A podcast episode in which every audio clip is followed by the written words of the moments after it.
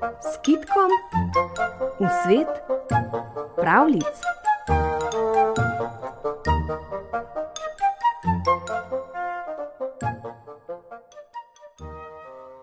Kar nikoli ni bilo in nikoli ne bo. Trije bratje so se vozili po morju. Nastala je silna burja, ki je ladjo premetavala sem in tja, na zadnje pa jo vrgla na čeri in razbila. Bratje so se rešili na otok, ki je nedaleč proč štrlel iz morja. Tam so kmalo našli studenec, nalovili rib in odkrili ptiče v goščavi. A vse to je bilo brez pomena. Lakote si niso mogli potešiti, ker niso imeli ognja. Eden od bratov se je povzpel na vrh gore in v daljavi zagledal ogenj. Bratje so bili veseli in dogovorili so se, da gre pon najstarejši. Ta se je res spustil po strmini navzdol in šel na drugo stran doline, kjer se je bleščal ogenj. Tam je našel zelo velikega kosmatega človeka, ki je stražil ogenj in v roki držal grčavo palico, betičasto na koncu. Kaj bi rad, hlapček? ga je vprašal velikan. Ognja, je odgovoril najstarejši. Trije bratje smo, radi bi zakurili, a nimamo ognja. Dam ti ga, je obljubil velikan. Le to mi moraš povedati, kaj nikoli ni bilo, ni zdaj in nikoli ne bo. Brat je nekaj čenčal in ugibal, a nič pravega ni znal povedati. Velikan je dvignil gorjačo, ga naklesal po hrbtu in ga spodil. Jokaje se je vrnil. Ti pojdi po ogen, je rekel srednjemu. A tudi srednji ni imel večje sreče. Namesto ognja je dobil le batine po zadnji plati. Potem se je ponudil, da gre po ogen najmlajši. Njega brata nista imela za nič preveč bistrega, pa sta mu rekla: Kaj boš hodil ti, šleva, šlevasta? Še midva nisva mogla nič dobiti, kako pa boš ti, ki si taka neroda? Toda lakota jih je pritiskala vedno huje, in ko ni bilo več nobenega izhoda, sta začela nagovarjati tudi najmlajšega.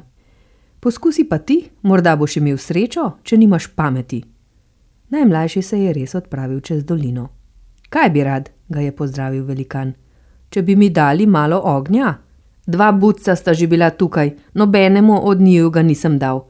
Če boš ti bolje odgovarjal, ga dobiš. Povej mi kaj takega, kar še nikoli ni bilo, ni in ne bo. Mlajši brat je razmišljal in razmišljal, potem pa se mu je razjasnil obraz. Poslušaj me, nekdo se je bil nekoč boba najedel, en bob pa se ni bil razkuhal, ostal je cel in na pol surov. Želodec ga zato ni maral in ga je iz sebe vrgel. Iz tistega boba je zraslo veliko drevo, ki je segalo do neba.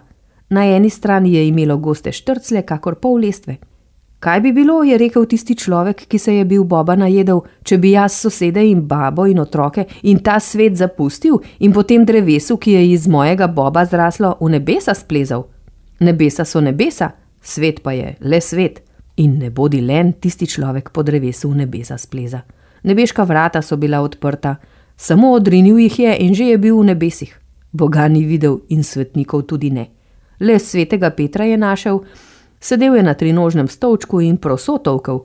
Mekine so mu letele iz stope na prtiček, ki ga je imel razgrnjenega po tleh. Bi rad naredil pšeno, Peter ga je vprašal. Kašo si bom skuhal, je odgovoril Peter. Pa točem tule za vrati in čakam, če bo kakšna duša prišla gor. Že dolgo ni bilo nobene. Človek je malo posedel, Peter pa je naprej prosotovkel. Pogovarjati se nista imela kaj, pa je možaku postalo dolgčas in si je zaželel nazaj na zemljo. Počakaj, prijatelj, ga je zaustavil Peter. Ti si prišel po drevesu gor, kaj ne? Drevesa pa ni več, pravkar mu je svinja korenine izpodrinila, pojedla bob, iz katerega je zraslo, in vse se je posušilo, na kup padlo. Kaj boš zdaj hodil dol? To pa ni dobro, je odvrnil človek. Nimaš nobene vrvi ali kaj podobnega, da bi se po njej spustil? Nič nimam, je odkimal Peter. Daj mi pehar prosenih mekin, si bom vrv spletel iz njih. Peter mu je res dal mekin in človek si je spletel v vrv. Privezal jo je na kljuko nebeških vrat in se spustil proti zemlji. Ko pa se je spustil do konca vrvi, je ugotovil, da je vrv prekratka. Splezal je navzgor, odrezal kos vrvi zgora in jo privezal spodaj. Ker je bila še vedno prekratka, je moral to nekajkrat ponoviti. Prilezel je že blizu zemlje in mu je zmanjkalo vrvi, le še za dober skok. Ker se mu ni ljubilo vračati se navzgor, je zamižal in odskočil.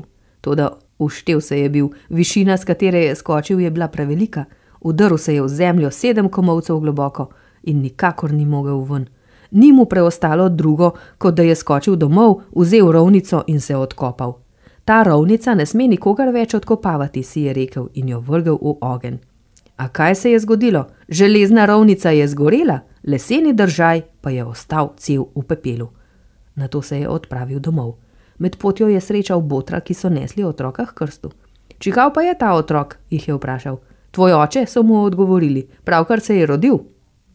Kosmati velikan, ki je poslušal to zgodbo, od začudenja še ust ni utegnil zapreti. Potem, ko se je le ovedel, je nagrebel polno ponev utrinkov, ogorkov in žerjavice in jih dal najmlajšemu.